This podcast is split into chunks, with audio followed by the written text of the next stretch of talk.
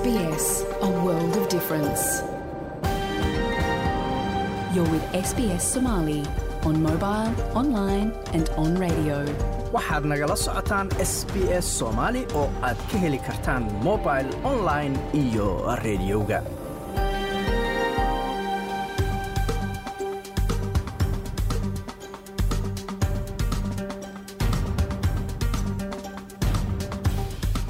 habeen wanaagsan dhammaantiinba meel kastoo aad naga dhegaysanaysaan waa habeen jimcaha bisha maarsan ay tahay afar sannadka labada kun iyo labaiyo labaatanka. Halkaaad nagala socotaanna waa laanta af soomaaliga ee idaacadda s b s oo si toosa idinkaga imanaysa stuudiogaannu ku leenahay magaalada melbourne. Magacayguna waa xasan jaamac. Waxyaalahaad caawa ku maqli doontaanna waxaa ka mid ah marka waxay ku xirantahay qofka asaga afsiguu u raadsada den qofkii aan marka soomaaligana qoritaankiisa garanayn luuqadda ingiriiskana aqaanin in uu website tago oo luuqaddii markaa iyada uu rabo kala soo baxay iyadana adeeg bay noqonaysaa. Laakiin dowladda gobolka queensland aad bay mas'uuliyad kaga saartay. Dadaal badan way ku bixisay si ay u suurtagelinay xiriirka inuu hagaago. Daadadkii ka dhacay gobolka queensland iyo sida ay u saameeyeen jaaliyadda soomaalida ee magaalada brisbane sidoo kale waxaad maqli doontaan.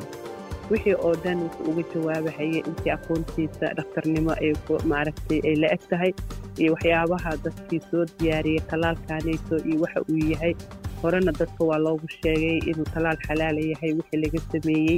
Weli waxaa socdaa dadaalada lagu doonayo in waalidiinta lagu qanciyo in ay carruurtooda ka tallaalaan xanuunka covid iyo weliba waxaa kaloo aad ku maqli doontaan warbixin ku aadan dalalka finland iyo sweden oo markii ruushku uu ukrain weeraray hadda ku tala jira ama qabanqaabinaya inay ku biiraan gaashaanbuurta nato. Marka horese wararka caawana waxaa ka mid a premiyerka gobolka new south wales dominic perotey oo sheegay in wakhti dheer ay qaadan doonto in gobolku ka soo kabsado daadadkii ka dhacay dab ka qarxay warshadda nukliyerka korontada ka dhalisa ee ugu weyn yurub kadib markii militariga ruushku u weeraray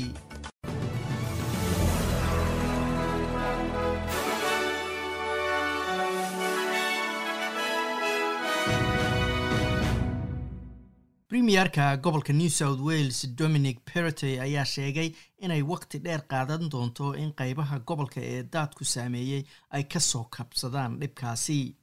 Guddiga xaaladda deg dega ee gobolka ayaa markii ugu horreysay shiray shalay oo khamiis ahayd iyadoo la filayo inay magacaabaan wasiirka ka soo kabashada daadadka maanta oo jimco ahayd.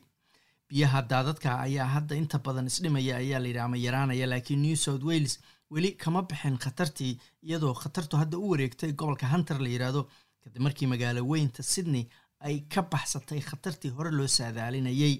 Shaqaalaha adeega deg dega ee gobolka ee s c s ta loo yaqaano ayaa ka jawaabay in ka badan toddoba boqol oo qof oo caawimaad u soo wacay xalay oo khamiis ahayd. Halka saddex iyo toban jeer dad laga badbaadiyey daadadka. Premiyerka gobolka maer perotey ayaa sheegay inay shaqaalahaasi muujiyeen geesinimo xaddhaaf ah. Inta ay ku jireen hawshan aad u adag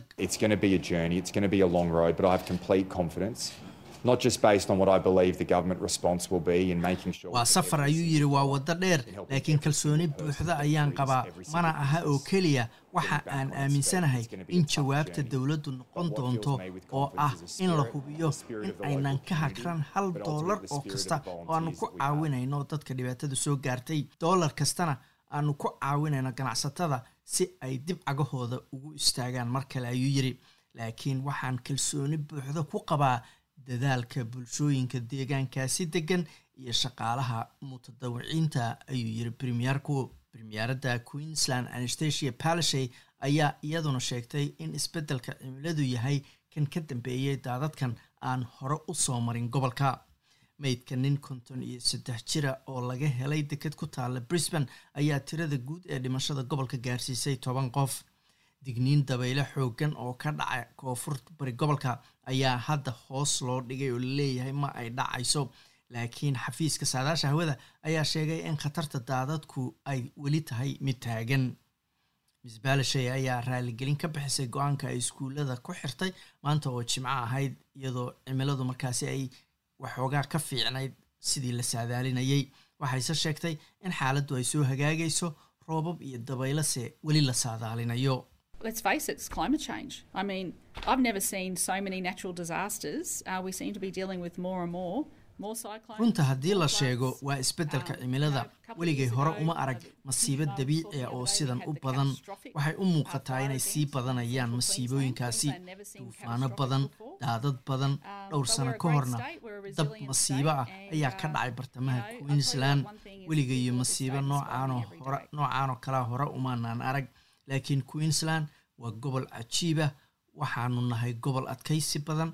Waxaan rabaa inaan idiin sheego in shacabka gobolka maalin walba ay yihiin dad isoo jiita oo aad loogu dayan karo. Ayay tiri bremiyaaraddu bremiyaaradda gobolka ayaa intaa ku dartay in laba dhibic laba milyan oo dollar oo caawimaada loo qaybiyey dad gaaraya shan kun iyo afar boqol iyo saddex qof balse codsiyo ay uga yimaadeen dad gaaraya sagaal iyo toban kun oo qof laba boqol iyo lixdan iyo lix qof ayaa ku sugan xarumaha dadka lagu daadgureeyey. Ammaanka warshad nukliyeerka korontada ka dhalisa ee ugu weyn yurub ayaa hadda la xiray kadib markii militariga ruushku ay halkaasi weerareen taasoo sababtay in dabqabsado.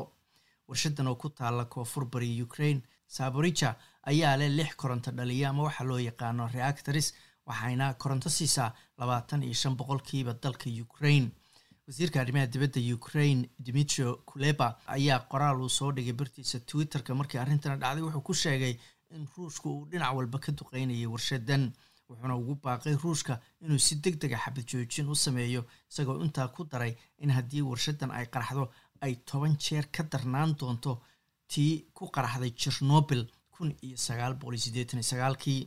Afhayeen u hadlay warshadan korontada ka dhalisa nukliyeerka ayaa qoraal soo saartay wakhtigii weerarka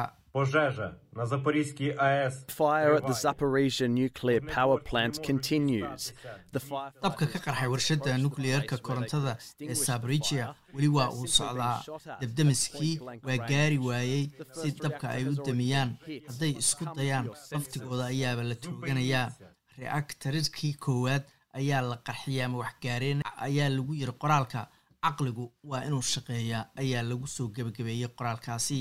Hay'adda maamusha nukliyeerka ee ukraine ayaa u sheegtay hay'adda caalamiga ee maamusha nukliyeerka ee la yidhaahdo i a e a inaan waxba iska bedelin heerka shucaaca warshadda.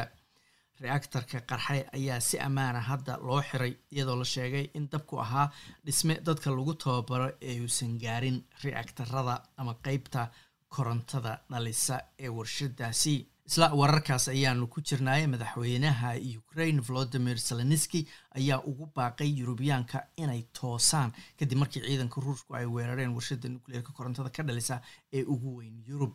Madaxweynaha ayaa madaxda adduunka kala hadlay weerarkan waxaana ka mid ahaa madaxda uu la hadlay madaxweynaha mareykanka joe biden ra'iisul wasaaraha britain boris johnson ra'iisul wasaaraha canada justin trudeau iyo midooda yurub. Codsi qiiro leh ayuu madaxweynuhu jeediyey isagoo ka digay in haddii qarax ka dhaco warshadan intaasi ay tahay dhammaadkii yurub.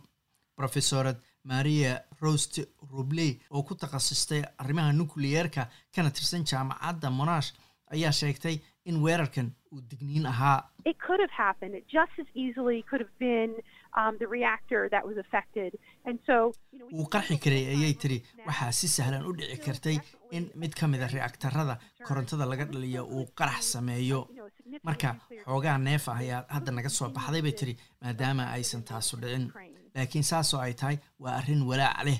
Weli waxaa dhici karta inaan aragno masiibo weyn oo nukliyera haddii putin uu sii wado duulaanka uu ku hayo ukraine ayay tiri. Ra'iisul wasaaraha britain boris johnson ayaa sheegay inuu dalbanayo shir deg dega oo golaha ammaanku isugu yimaado. Ra'iisul wasaaraha dalkan australia scott morrison ayaa isaguna sii ayiday xaqiijiyena xiriirka australia ay la leedahay india kadib shir dhex maray xulufada afarta dala ee la baxday quad. India ayaa wajahaysa su'aalo laga weydiinayo inaysan ruushka ku cambaarayn duulaanka ay ku qaaday ukraine. Mr morrison ayaa sheegay in walaac laga muujiyey lix iyo toban kun oo arday hindi ah oo ku xaniban ukraine. Walaacan ayaa lagu soo qaaday inta uu socday shir muuqaal fogaha lagu qabtay oo dhex maray dalalka australia india maraykanka iyo jabaan ra'iisul wasaaraha ayaa idaacad ku taalla magaalada perth u sheegay inuusan indiya kala mid dhigan china. Marka laga hadlayo arrimaha ukraine. I don't draw an equivalence between India and China whatsoever. Um, and I do know um, from the discussions that uh, we had last night. That sina islama simaya ayuu yidhi china iyo indiya waana waxaan ogahay ayuu yidhi kadib wadahadaladii aan xalay yeelanay in indiya ay doonayso in dagaalkan la soo afjaro laakiin dabcan ma doonayo in adduunku inuu taageero u fidiyo ruushka indiyana runtii ma samaynaysa taas. Sida china yeeshay indiya canshuurta kama dhaafaysa ama kama yaraynaysa ayuu yidhi qamadiga ruushka ay ka soo gadato. Saadaasha hawada berita uu sabtiya magaalada bet waa cadceed soddon iyo laba digrii adelaide waa qayb ahaan daruur iyo labaatan iyo afar melbourne xoogaa roobaba ayaa subaxii la filayaa labayo labaatan bayna gaaraysaa. Magaalada sydney waa roobab ayaa la leeyahay labaatan iyo siddeed digrii bayse gaaraysaa. Halka brisbane sidoo kale roobab la filayo iyo weliba soddon digrii halka australian dollar maanta waxaa lagu sarrifayay toddobaatan iyo afar senti oo lacagta maraykanka ah.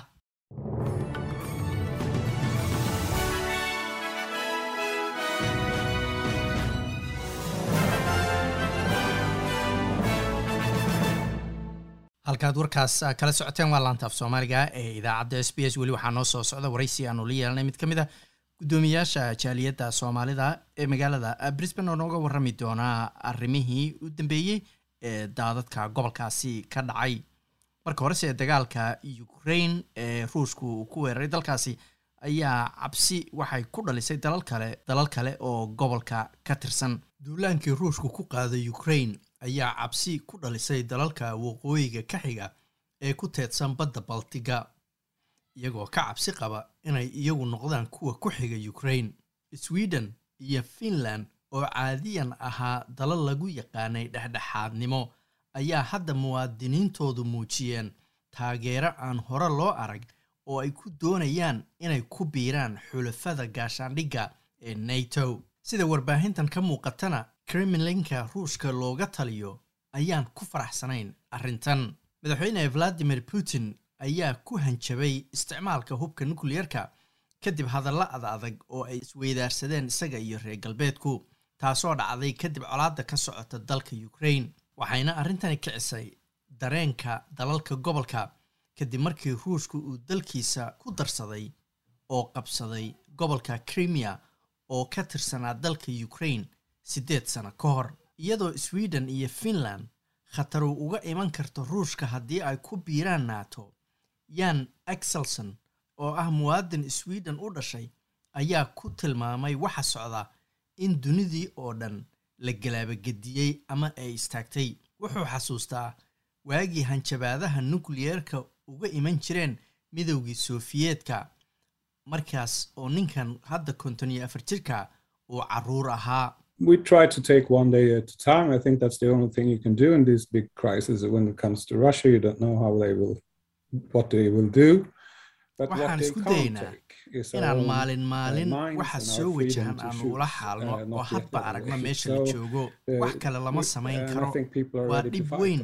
marka laga hadlayo ruushka lama oga waxa uu samaynayo. laakiin waxa aysan uh, naga qaadi karin waa maskaxdeenna iyo we aan ciddaan rabno ku dooranno. Waxay ila tahay ayuu yidhi in dadku diyaar u yihiin inay dagaalamaan. Waa markii u horreysay jiilkayaga oo ay tahay inaannu istaagno oo aannu u istaagno difaaca qayimkeenna laakiin waannu arkaynaa waxa dhaca. Ma garanayo waxa dhici doona.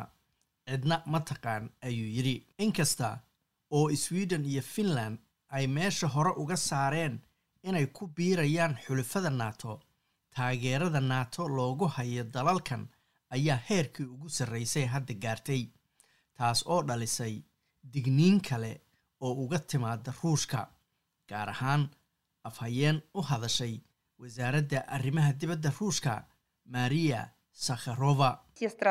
All states participating in the Organisation for Security and Cooperation in Europe in their national capacity, including Finland and Sweden, reaffirmed dhammaan dalalka ka tirsan ururka amniga iyo iskaashiga yurub oo ay ku jiraan finland iyo sweden waxay ballan qaadeen mabda ah in amniga dalalka qaar aan lagu dhisin si wax lagu yeelo dalal kale.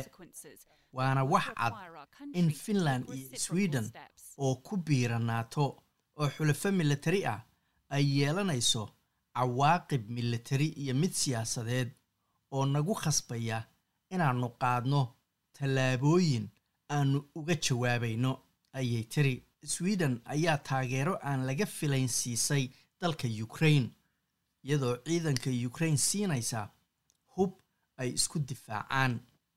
Khudbo ay dalkeeda u jeedisay toddobaadkan ayay ra'iisul wasaaradda dalka sweden magdalena anderson ku sheegtay inay tahay markii ugu horreysay oo dalkeedu hub siiyo dal kale wixii ka dambeeyey markii midowgii sofiyeetku uu weeraray finland kun iyo sagaal boqol iyo soddon iyo sagaalkii Många svenskar ser det som självklart att räcka en hjälpande hand. Many Swedes see this as simply offering a helping hand to those who are under dad badan oo reer sweden ah waxay u arkaan uun arrintan gacan la siinayo dal weerar lagu soo qaaday laakiin waa ogahay inay jiraan qaar kale oo isweydiinaya waxa uga iman kara sweden taageeradaas aan siinay ukraine awgeed every mana beegsan karaa isagoo naga aargoosanaya anugu waxaan leeyahay in amniga sweden lagu gaari karo in la caawiyo ukraine inay difaacdo xadkeeda.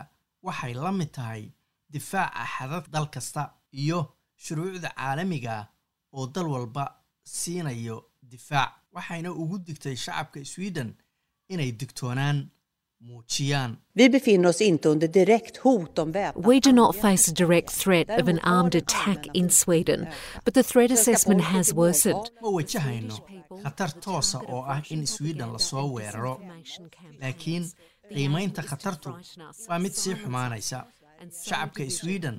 waxaa lagu beegsanayaa ololo been abuur iyo borobagando uu ruushku wado danta laga leeyahayna waa in nala cabsi geliyo in nala aamusiyo in nala kala qaybiyo oo midowda yurub la kala qaybiyo sweden gudaheedana la kala qaybiyo.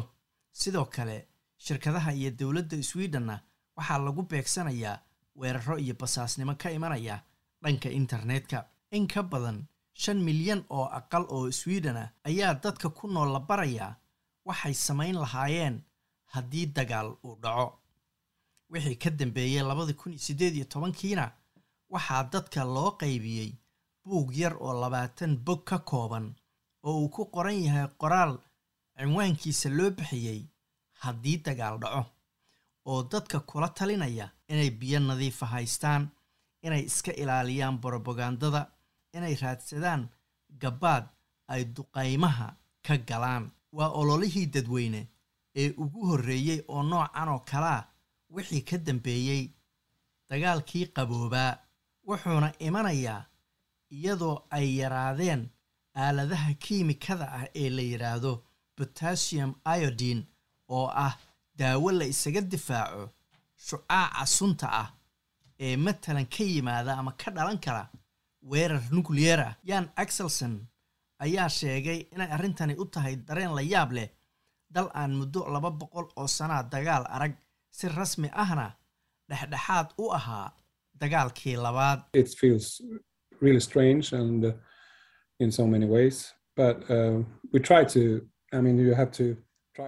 Waa arrin siyaalo badan la yaab u leh laakiin waxaan isku dayaynaa prepare inaan si maskax furan uga fakarno siday noo saamaynayso ma ogin siday noo saamaynayso laakiin waa inaan sida ugu fiican ugu diyaar garowno dhib kasta oo yimaada. Stockholm ayaa marar badan u sababaysa gardarrada ruushka qorshayaal amni oo dalku qaatay oo ay ku jirto in dib loo soo celiyey in dadka lagu khasbo inay ciidanka qortaan iyo in ciidan la geeyo jasiiradda gotland ee badda baltiga. Linda thomas greenfield waa safiiradda maraykanka u joogta qaramada midoobay waxayna u xaqiijisay dalalka gobolka ku yaal in beesha caalamku ay si dhow ula socoto ruushka. President Putin continues to escalate, putting Russia's nuclear forces on high alert, threatening to invade Finland and Sweden. madaxweyne putin wuxuu sii wadaa inuu xaaladda uga sii daro. Wuxuu digtoonaan geliyey ciidanka ku hubaysan hubka nukliyeerka wuxuu ku hanjabayaa inuu weerarayo finland iyo sweden. Tallaabo kasta oo uu ruushku dagaalkan ka fuliyo waa mid uu ku ballan furay qaramada midoobay.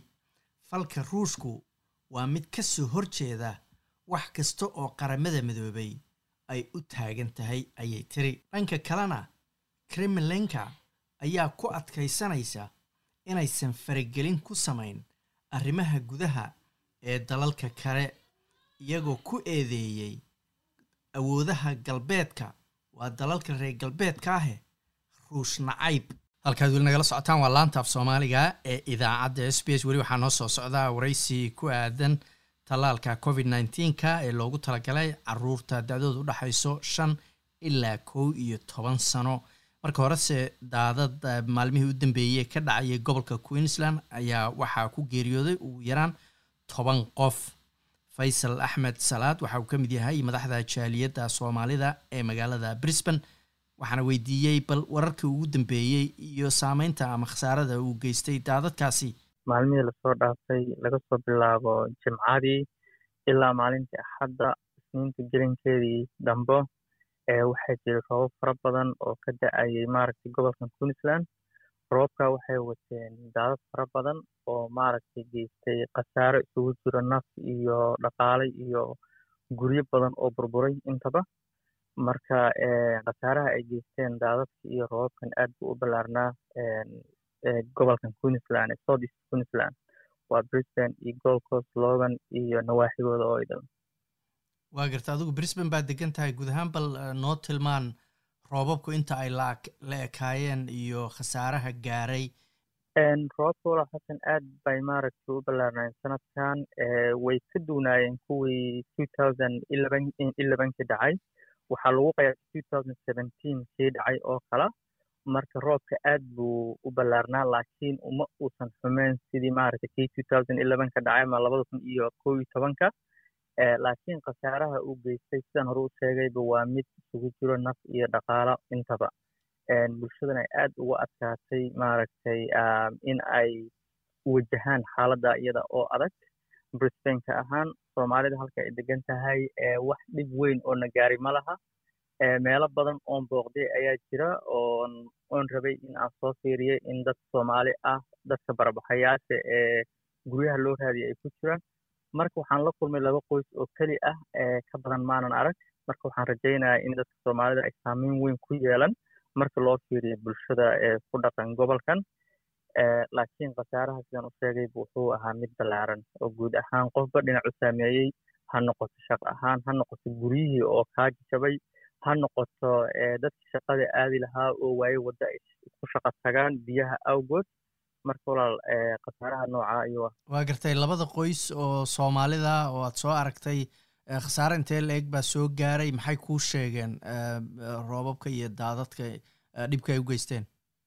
Ha waxay ii sheegeen in guriga uu biyo soo galay alaabta qaar uu ka qaaday laakiin wax naf ah ama dhaawac sidaa uma geysan laakiin alaabtii guriga u taalay ay maaragtay biyaha ay ka qaadeen sidaas darteed ayay u raadsadeen caawimaad ah in ay helaan meel ay ka galaan roobka. Intay xaaladda ay socoto waa gartay faysalow madaxda jaaliyaddaad ka mid tahay bulshada aad baad uga warqabtaa caadiyan arrimaha deg dega ama xaalado deg dega sida daadadkoo kale ama dababkoo kale markay dhacaan shacabka dalkan australia intooda badan idaacaday dhegeystaan oo waxyaalaha emergencyga laga sii daayo websiteyay la socdaan dadka soomaalida ama dadka soo galootiga cusub arrimahaas ma ku baraarugsan yihiin ma jiraan qaabab haddii waxaasoo kale ay dhacaan ay uga badbaadaan macluumaadka ma helaan mase yaqaanaan sida loo raadsado walahi xasano su'aasha su'aal aad u muhiim ah weeye inta badan soomaaliga ah waxay ku xiran yihiin un qof ay yaqaanaan oo luuqada yaqaana. Iyo annagoo maaragta kajaaliyad ahaan wixii markaa iyada ah fariin aan diri karno oo kale aan dadka u dirna maadaama ani hadda aan guddoomiyaha ahay maalintii arrinta ay dhacday waxaan sameeyey video deg deg ah muuqaal deg deg ah oo aan dadka ugu baaqayo maaragtay in xaaladda hadda jirto ay aad u adag tahay oo muhiim tahay in la taxadaro lanana socdo warbixinada ugu dambeeya ee ka soo baxaya dowladda. Marka markii la yidhaahda wada xiriirka dabcan aad buu u adag yahay laakiin dadka soomaalida sidaad og tahayba waa dad isku xiran oo maaragtay warkii qof baa qof wici qof kale ayuu sii wici sidaa unba maaragta inta badan wararka lagu helaa. Inta badanna carruur yar oo waxaa joogta luuqadii taqaano maaragtay waalidku isturjubaanayo marka sidaa unba maaragtay ugu warhayaan waxa dhacayo waa gartay markaad la xiriirtid maamulka gobolka ama dowladda queensland oo kale ama hay'adaha wax badbaadiya ma jiraan barnaamijyo gaaroo loogu talagalay dadka jaaliyadda soomaalida oo kale ahoo ama lambaro ay wici karaan oo turjubaan leh ama barnaamijyo si gaara loogu talagalay in lagu lagu wacyigeliyo markay dhibaatooyinkan oo kale dhacaan haa way jiraan sababtoo ah arrinta covidka markuu dhacay waxaa jira barnaamijyo fara qaababkii maaragta xiriirka loo horumarin lahaa dadaal fara badan oon ka sameynay oo sameeyeen dadka soo galootiga ah dabcan soomaalidana ay ka mid tahay. Markii musiibo noocaan ah ay dhacdo waxaa jira websaajyo maaragta luuqad walba lagu soo qorayo dadkan lala socodsiinayo waxa dhaca. Inta badan dadka aan warbixinta saxda heli karin waa dadka luuqadda soomaaligana aan qorin. Only ku hadla bes ah hadalka bes yaqaana marka taa iyadoon baa aday keenaysa laakiin luuqadda soomaaliga waa la turjumaa xaaladihii ugu dambeeyna maaragtay waa lagu soo sheegaa af soomaali. Marka waxay ku xirantahay qofka asaga ah siduu u raadsada den qofkii aan marka soomaaligana qoritaankiisa garanayn luuqadda ingiriiskana aqaanin in uu website tago oo luuqadii markaa iyada uu rab oo kala soo baxay iyadana adeeg bay noqonaysaa. Laakiin dowladda gobolka queensland aad bay mas'uuliyad isaga saartay dadaal badan way ku bixisay si ay u suurtagelin lahay xiriirka inuu hagaago. Waa gartay dabcan arrimahan daadadkao kale markay dhacaan dadka soomaalida intooda badan dad webiyo ama badda ku dabaalan jiray maaha iskuullada laguma beri jirin carruurta siday u dabaashaan. Marka guud ahaan bulshada marka la fiiriyo arrimaha dabaashoo kale hadda ma tahay mid ay ama bartaan ama isku dayaan inay bartaan ama carruurtooda baraan xasan waa muhiim waqti australia haddii aad joogtid in dabaasha la barto qasab waaye waayo qaarad ahaan waa aragtay inta biyo ku wareejisan. Hadda way jiraan programyo cusub oo maaragtay dabaasha ku saabsan. Waxaan garanayaa gabar soomaali ah oo dabaasha dadka barta hadda oo naf iyada xataa maaragtay wada shaqayn ay dhexayso aan isku dayahayna maar dadka iyaga inaan ku wacyigelinno inay dabaasha bartaan si maaragtay carruurtoodii iyo naftooda ay u badbaadsadaan markay musiibo dhacda ama gaar ahaan markii samarka oo kale xilliga xagayga badaha ay tegi karaan ay dadka kula dabaalan karaan oo kale. Waa gartay faysal oo arrimaha markaanoo kale aada looga hadlo waxaa kaloo ka mid ah waxaa loo yaqaana caymiska oo matalan qofka gurigiisa haddii daadad ay soo galaan ama alaabadii ay ka burburiyaan ama cuntadii ama guriga uu leeyahay laftigiisa ay ka baabi'iyaan in caymis qofku marka hore uu ku jiro kadibna siduu u dalban lahaa arrimahaas oo kale dadka soomaalida muhiimadda caymisku uu leeyahay iyo sida loo dalbado markii masiiba dhacday arrimahaas ma kala talisaan dadka? Arrimahaas waa kala talinaa dadka waan ka caawinaa. Maanta xafiiska soomaalida ee loo yaqaano soomaali house wuu furan yahay. Qofkii caawimaad u raba xataa halkaa ayuu noogu iman. Waan ku caawinaynaa dowladdana si fiican ay arrintaa ugu jawaabtay oo wixii maaragtay caawimaad kaalay oo idil. Annagana waa la soconaa. Dadka iyaga kuwii markaa xaq u lehna maarata waa ka caawinaa waana wacyigelin fiican ayaan ka wadnaa dhinaca iyada ahna. Waa garta faysal daadadkan waxay imanayaan iyadoo hadda laga soo baxayay muddo laba sano ka badan oo covid nineteenka uu waddanka dhibaato ku hayay dhibaatooyinkaas oo aada u badnaa. Marka arrintan saameyn intee la eg bay ku yeelanaysaa marka bulshada guud ahaan marka loo fiiriyo dhibaatooyinka hore jiray xasan waa su'aal fiican sida ogtay labadii sano ood sheegtay waxaa lagu soo jiray covid sagaal iyo toban oo maarata dadka dhib ku hayay taa ayaa maaragtay dadka waxay ku saabtay in ay daalaan kadibna waxaa ku xigsatay maaragtay daadadkan ka sii horena intii uu covidka dhac uusan iman ka horena waxaa jiray bush fire fara badan oo dhacayay marka waxaad moodaa dadkii inay aad u daaleen waxaad moodaa dadkii in ay dhibsadeen waxyaalahan soona noqonayo waadna dareemi kartaa qof kasta markay aad la hadashid siduu ugu niijabsan yahay xaaladahan mas'uuliyinka oo maaragtay isabajooga ah oo kala qaadka aan lahayn. Marka saameyn dhinac walba yad ugu yeelatay. Iskuullada iyo jaamacadihii iyo intii hadda daadadkan ay socdeen saameyn ma ku yeesheen roobabkan mahiigaanka iyo dhibaatada gobolka dhacda haa xasan saameyn ayay ku yeesheen. Iskuullada hadda south east queensland ku yaalla oo dhinacan koonfurta dhan waa la wada xiray. Inka badan kumanaan iskuul ayaa la xiray. Sidoo kale jaamacadaha maaragtay ugu muhiimsanaa ee iyadana la dhiganaya waa la wada xiray daadadka dartood. Marka xagga waxbarashadana saameyn ayay ku yeelatay taasoo maaragtay caruurtii waxbarashadoodii maaragtay hakad gelisay. Iyadana saameyn waxaa weeye la taaban karo oo la sheegi kara waa garta ugu dambeynta faysalow isku xirnaanta bulshadu mar walba waa laga maarmaan gaar ahaan markii masiibooyinka noocan oo kale ay dhacaan dhowaanba nin dhallinyaraha hataa dhowaan baa guddoomiyenimo lagu doortay. Waxaad sheegtay hadda inuu jiro guri la yiraahdo somali house oo uu furan. Bal bal noo sheeg marka guud ahaan jaaliyadda iyo gurigaas waxa uu qabta iyo waxyaalaha guud ahaan bulshada sida aad isku dayeysaan inaad isugu keentaan oo ugu shaqaysaan. Xasan marka koowaad gurigan ayaan ku hormaray somali house somali house waxaa weeya guri soomaalida halkan joogta. Ay faraysteen oo maaragtay loogu shaqeeya bulshada soomaalida ah.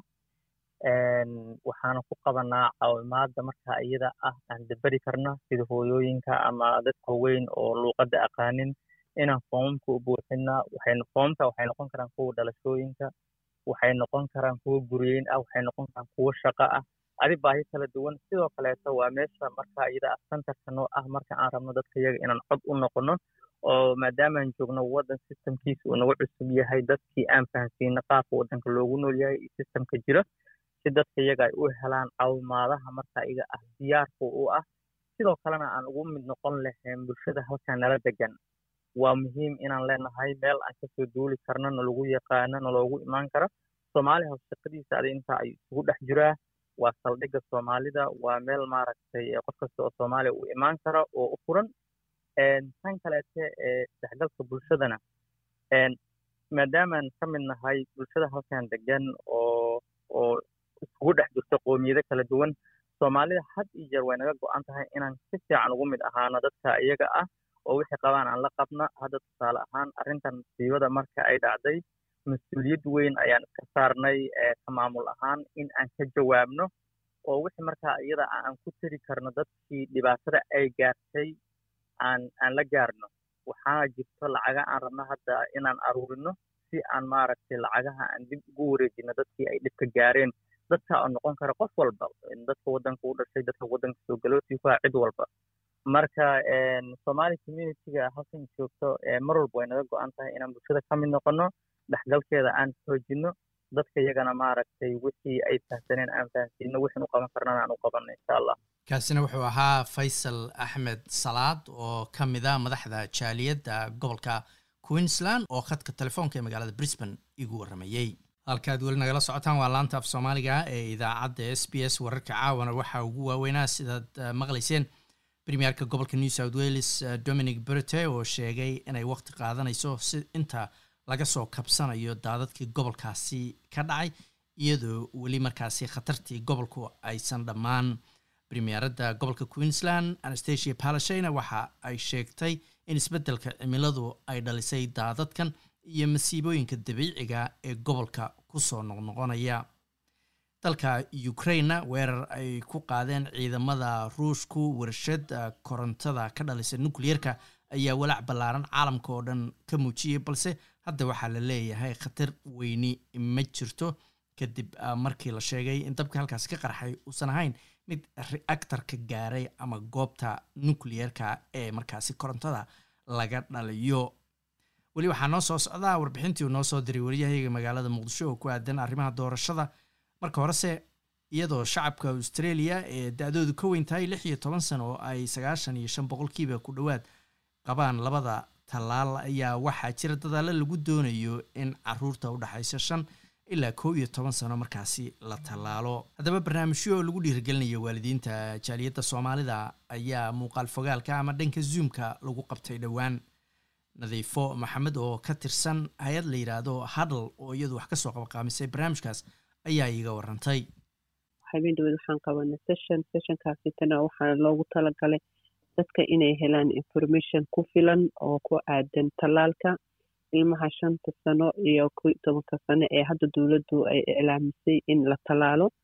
Tallaalkaasitana wuxuu faa'iido u leeyahay communitiga communitigeena iyo dadyoga kale aan la degannahay marka waxay dowladdu ay inta badan wacyigelinta marka hore ka bilowday in dadka maaragtay waayeelka ah xanuunka u nugul kow la bilaabo tallaalka kadib waxay ku xijiyeen dadka dhexe kadibna teenagekay ku xijiyeen marka intaasita hadda laga lagu guuleystay dowladda markaa dadkan steebkii ay qaaday oo kale waxay ilmaha yaryarka ah oo aan markii hore tirada lagu soo dirin iyagana in tallaalka la siiyo.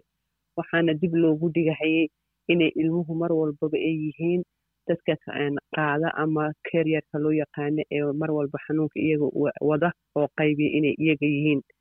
Marka saasaa iyaga gadaal loogu dhigay maadaama iyagu ay dad yaryar yihiin maadaama immune systemkooda uu fiican yahay. Marka hadda timekii baa la gaaray iyagana tallaalka la siin lahaa. Waa gartay. Marka barnaamijkan wacyigelinta yaa ka soo qayb galay yaa su'aalaha ka jawaabayay su'aalaha dadku weydiinayeen oo ugu badnaase maxay ahaayeen? Runtii dad badan oo soomaaliyeed ayaa ka soo qayb galay oo magaaladan victoria degan waxaana joogay habeenkaasito oo jawaabaha su'aalaha dadku ay qabaan ka jawaabahaya doctor jaamac faarax.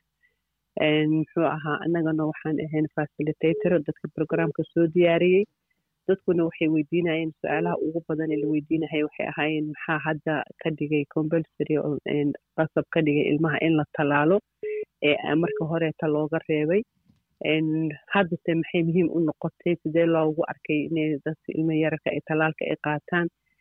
Waxyaabaha tallaalka ilmaha ku keeni kara marka ay qaataan side effectiga ka imaan kara after tallaalka muxuu yahay? Waxa kaloo ay weydiinahayeen waa og tahay communitygeena waxa waaye dad afka macnaha ka hadla ee aan written babel ahayn ee yihiin dad afka un ka hadla oo sidaa darteed u wada gaaro qof tu qofka kale. Marka sidaa daraaddeed baa hadalku waxa uu tagaa meel dheer. Sidaasitay leeyihiin kanaa la yiri hadday kan dhacdo maxaa kan marka wixii oo dhan wuxuu uga jawaabahayay intii aqoontiisa dhakhtarnimo ay maaragtay ay la eg tahay iyo waxyaabaha dadkii soo diyaariyay tallaalkaneeto iyo waxa uu yahay. Horena dadka waa loogu sheegay inuu tallaal xalaala yahay wixii laga sameeyey intaasoo dhan wacyi badan baa dadka lagu sameeyey sidaasay u qaateen. Haddana sidii si la mid ah ayaa mar labaad noogu celinayaa inuu tallaalku safe yahay inuu tallaalku uu yahay maaragtay tallaal xalaal ah oo wixii laga sameeyey ingredinka laga sameeyey uu xalaal u yahay. Waxa kaloo asna habeenkaasiti muxuu ahaa goobjoogka ahaa sheekh ciise cabdow ilaahay khayr badan ha siiyo oo asagana dhinaca diinta ma aragtay kombeer ku sameynahayey oo uu sheegahayay faa'iidada ay leedahay tallaalka iyo muxuu ahaa waxa inaga inagaga gudboon bulsho ahaan ee aan bulshadeena loo arkin dad agenista ku ah oo tallaalka ka soo horjeeda marka sida communitiyada kale loo eego. Marka aad iyo aad buu u fiicnaa dadkuna aad bay su'aalihii ay weydiiyeen dhakhtarka uu uga kaafiyey waa gartay. Marka hadda waxaad moodaa arrimihii tallaalka iyo covid nineteenka sidii warbaahintu ay uga hadli jirtay hadda inaysan uga hadlin oo yaraatay. Marka waxaad is leedahay weli dadka soomaalida macluumaad badan bay u baahan yihiin markay noqoto tallaalka carruurta aad iyo aad aad iyo aad. Sababto ay tahay dadkeena qof wuxuu sheego ayaa wuxuu gaarahayaa kun qofood. Qofkaasita haddii uu wanaag uu gudbiyo wanaagga dadka qaata waa dadka ugu fudud oo hadal ku qaata xumaan la sheegana sidaasoo kale xumaanta uga qaata marka tallaalku uu sidii kii hore oo kale weeyaan side effect wuu leeyahay oo dawada xitaa baanadoolka side effect leh laakiin waa wax aad u yar oo aad iyo aad iyo aad u yar. Xitaa bointiga lagu qiyaastay sidii kii horeto loo sheegay oo kale weeya ilaa iyo hadda lama hayo frayserka wax dhibaato ah uu ku keenay dadka.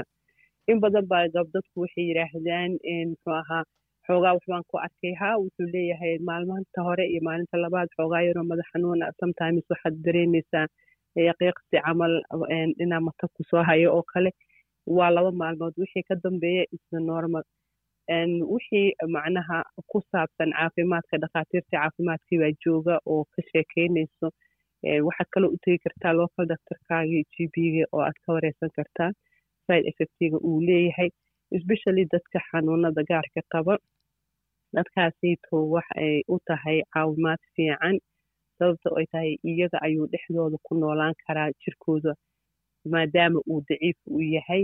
Wuu ku dhex noolaan karaa markaasu intuu isku dhex bedelo nooc kale oo cusub oo magac kale horle loo bixi uu noqonayo. Sida hadda emocronka iyo kale oo inaga hadda aadna soo gaari laakiin yurub qaybo badan laga helay. Iyo kii aad ogeyd oo delta oo aad isna khatarta ahaa oo ka imaaday dalka hindiya. Marka waxaasoo dhan marka la isu geeyo dadkeenu waa dad markay macluumaad ay helaan wax badanna la wacyigeliyo markaasayto sharciga qaata oo falow gareeya wixii dowladda u sheegtay. Waa gartay marka hadda guud ahaan marka australia oo dhan la fiiriyo sagaashan iyo shan boqolkiiba dad ku dhow baa labada tallaal qaatay.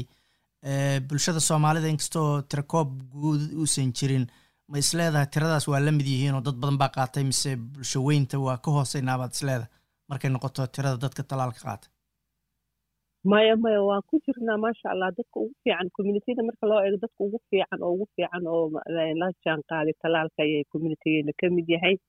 Communitygeena waxaan u malaynaya inaan five percentageka inay riij gareeyeen qof soomaaliyeed oon tallaalnayn shantaasun bay ka mid yihiin ma ahani laakiin majority dadka soomaaliyeed labada tale xitaa way wada qaateen maasha allah waa dad maaragtay jecel caafimaadkooda iyo horumarka waddankan ka jirana dad la jaan qaadahayo dee ka mid noqon raba dadkanita ayay hadda maaragtay maadaama dee jiilba jiil ka dambeeya the jiil second generationka kale already maanta ilmahoodii ay maaragtay iskoolada attendi kareen. Marka waa aad iyo aad integrationka hadda sidii hore wuu ka fiican yahay. Waa gartay hadda maadaama barnaamijkiina intisa badan aad sheegtay inaad uga hadlayseen carruurta shan sano ilaa kow iyo toban sano jira ma walaac gaar ahay waalidiintu ka muujinayeen inay caruurtooda da-da yar tallaalaan?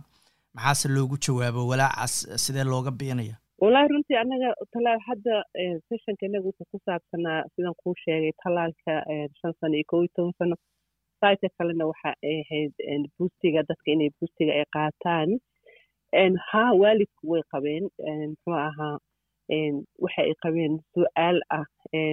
Laba su'aalood bay qabeen waayo hadda ilmaha loogu soo daray talaalka inay qaataan? Iyo midda kale oo ah hadda haddaan qaadano buustiga buustigaasayto ma every year buu noqon doonaa. Wax sii socda forever inta nolosheena ka dhiman miyuu noqon doonaa? Maxaa iman doona?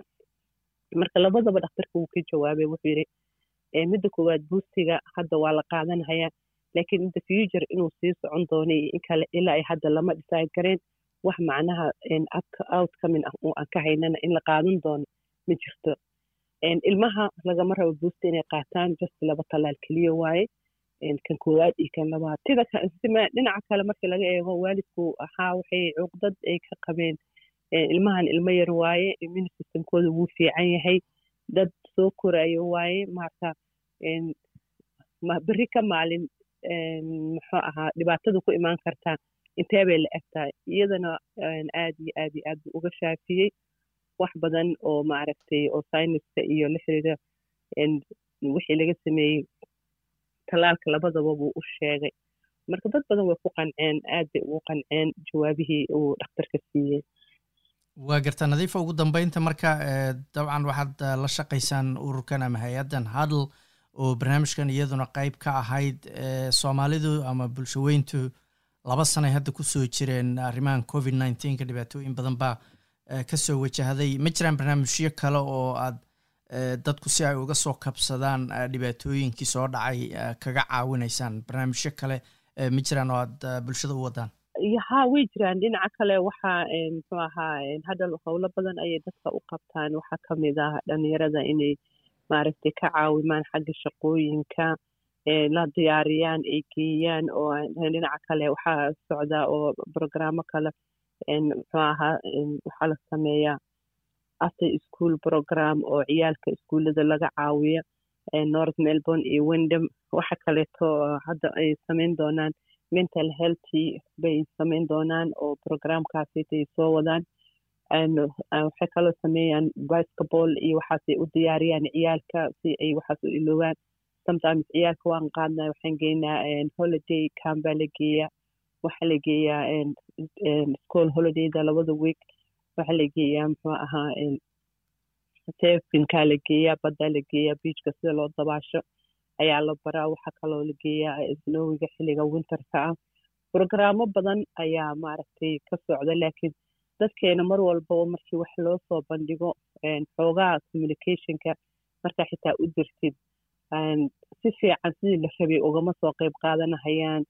Oo waxay ku leeyihiin muxuu ahaa qof hebel ah wade ama waxaasita inaga daayo. Oo maaragta qiimo badan ma siinayo laakiin ilmihii kale soo enjoy gareeya markay arkaan markaas leeyihiin oo barnaamijkaas wuu fiicnaa noola kugu soo sheegi waayo. Marka howluhu way iska badan yihiin wacyigelintuna way badan tahay waxqabadkana communityga haddii uuna dadka la shaqaynin ee communitygana cidna ogaan mayso. In laisla shaqeeya muhiimadda ugu weyn ay tahay taasina waxay ahayd nadiifo maxamed oo ka tirsan hay'adda huddle oo markaasi bulshooyinka soo galootiga caawimaad u fidisa haddana waa warbixintii uu noo soo diray waryahayaga magaalada muqdisho iyadoo madasha wadatashiga qaranka ay dhowaan shaaciyeen in muddo kordhin lagu sameeyey xilligii la soo gebagabayn lahaa doorashada baarlamaanka koob iyo tobnaad ee federaalk soomaaliya. Ayaa waxaa magaalooyin kala gedisan oo dalka ka socda doorashooyinkaasi inkastoo qaarkood si gaabisa ay ku socdaan. Magaalada baydhabo ee xarunta gobolka baay waxaa lagu qabtay doorashada kuraas ka mid a xubnaha golaha shacabka ee baarlamaanka soomaaliya kuwa oo deegaan doorashadoodu ay tahay koonfur galbeed. Kuraasta doorashadooda la qabtay ayaa kala ahaa toddobaatan eber konton laba boqol iyo soddon boqol siddeetan iyo saddex iyo laba boqol shan iyo toddobaatan waxaana ku soo baxay aadan maxamed cali oo ku guulaystay kursiga tirsigiisu yahay laba boqol konton iyo saddex cabdulaahi maxamed cali axmed sheekh macalin mashruuc jaamac taqal cabaas mukhtaar maxamed guleed iyo ismaaciil iidow maxamed oo isna ku guulaystay kursiga tirsigiisu yahay qaar ka mid a xubnahan iminka ku soo baxay baarlamaanka federaalk ee soomaaliya ayaa guushooda kadib warbaahinta la hadlay. Ka dambayntii weliba faday intii aan mahadnagu madaxweynaha dowlad goboleedka koonfur galbeed soomaaliya dowlad goboleedka koonfur galbeed soomaaliya mudane cabdicasiis xasan maxamed laftigaren oo isunagadii nabadoon soomaaliyeed oo qabiin ku lahay sidii dalka nkihirgeli lahayd ama kudhii lahayti doorasho xori xalaale iyadoo una ogna siyaasado isdiidin ee dalka ku jari saas daraadee marka isunika dhiiridi intii isunagadu dowlad goboleedka inkahorey ee bilaaba doorashooyinka sidiisa ku warqabtaan aqalka sare waliba haytay doorashooyinka inka horreeyey ee lagu bilaabo dowlad goboleedka koonfur galbeed ahayti run ahaantii sharafayn ata antii ergidii liin wali kursiga hoob laba boqol toddobaatan iyo shan codshooyay aaminin ilaahay subxaanahu wa tacaala miba ku rajeeyey oo ku tuugay intii infududa insha allah may faday doogma badiyaano insha allah waxaa idin ballan qaadayaa hadduu ilaahay idmo in si cadaalad leh hufnaan leh waxgarad leh cilmi leh ha idinku shaqeeyo. Insha allah wakhtigoo iska yar waa joognaa. Waa og tahay inaan kulli intaan sheegahayo mid walba intii aan siyaasadda ku jiray maadaama aanan ku cusbayn aan ka soo halgamay wax badanna aan ka soo qabtay. Waxaad adinkuna xaqiijiseen in danihiinna iyo maslaxaddiinna. Dhanka jubbaland guddi uu ra'iisul wasaare maxamed xuseen rooble u xilsaaray soo qiimaynta xaaladda deegaan doorashada labaad ee jubbaland ee garbaharey oo muran uu ka taagnaa ayaa gaaray magaalada kismaayo ee gobolka jubbada hoose gudoomiyaha guddigaasi cumar maxamed cabdulle ayaa warbaahinta kula hadlay magaalada kismaayo isagoona ka warbixiyey qorshaha socdaalkoodii. Mahad waxaa iskale allah subxaana wa tacaala oo noo suurtageliyey maanta inaan si nabad ah ku soo gaarno caasimadda kumeel gaarka ah ee dowladda jubbaland. Dabcan waxaa aad la socotaan in shirkii ugu dambeeyey madasha golaha wadatashiga qaranka lagu go'aamiyey in guddi uu soo magacaabo ra'iisul wasaaraha guddigaas oo ujeedadiisu ahayd inuu soo qiimeeyo xaaladda deegaan doorashada labaad ee dowladda jubbaland ee garbaharey waxaa maanta halkan aan ku joognaa anigoo guddoomiyii ah iyo guddoomiye ku-xigeenka maxamed cawil oo iga fadhiya dhinaca bidixda xoghayntii guddiga maxamed daahir oo iga fadhiya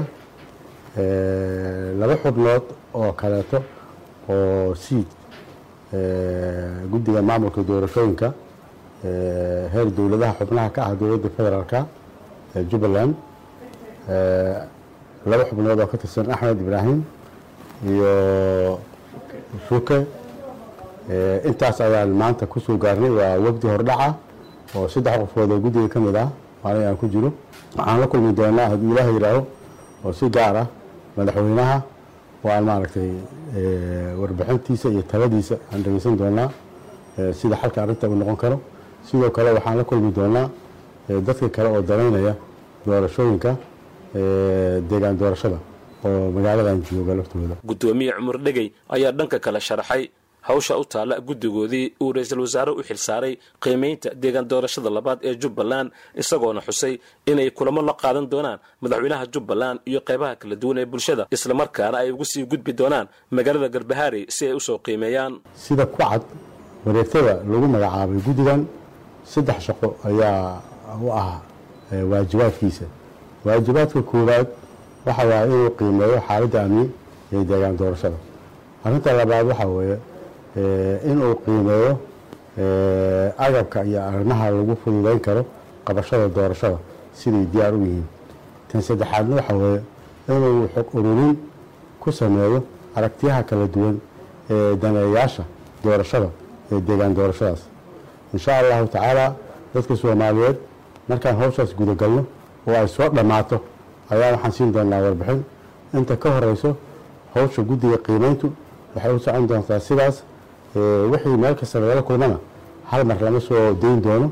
Waxaanu ka hadli doonaa keliya warbixin. Oo aan inta soo saarno aan kula noqonno. Muxuu ahaa mas'uuliyiintii noo soo dhiibtay.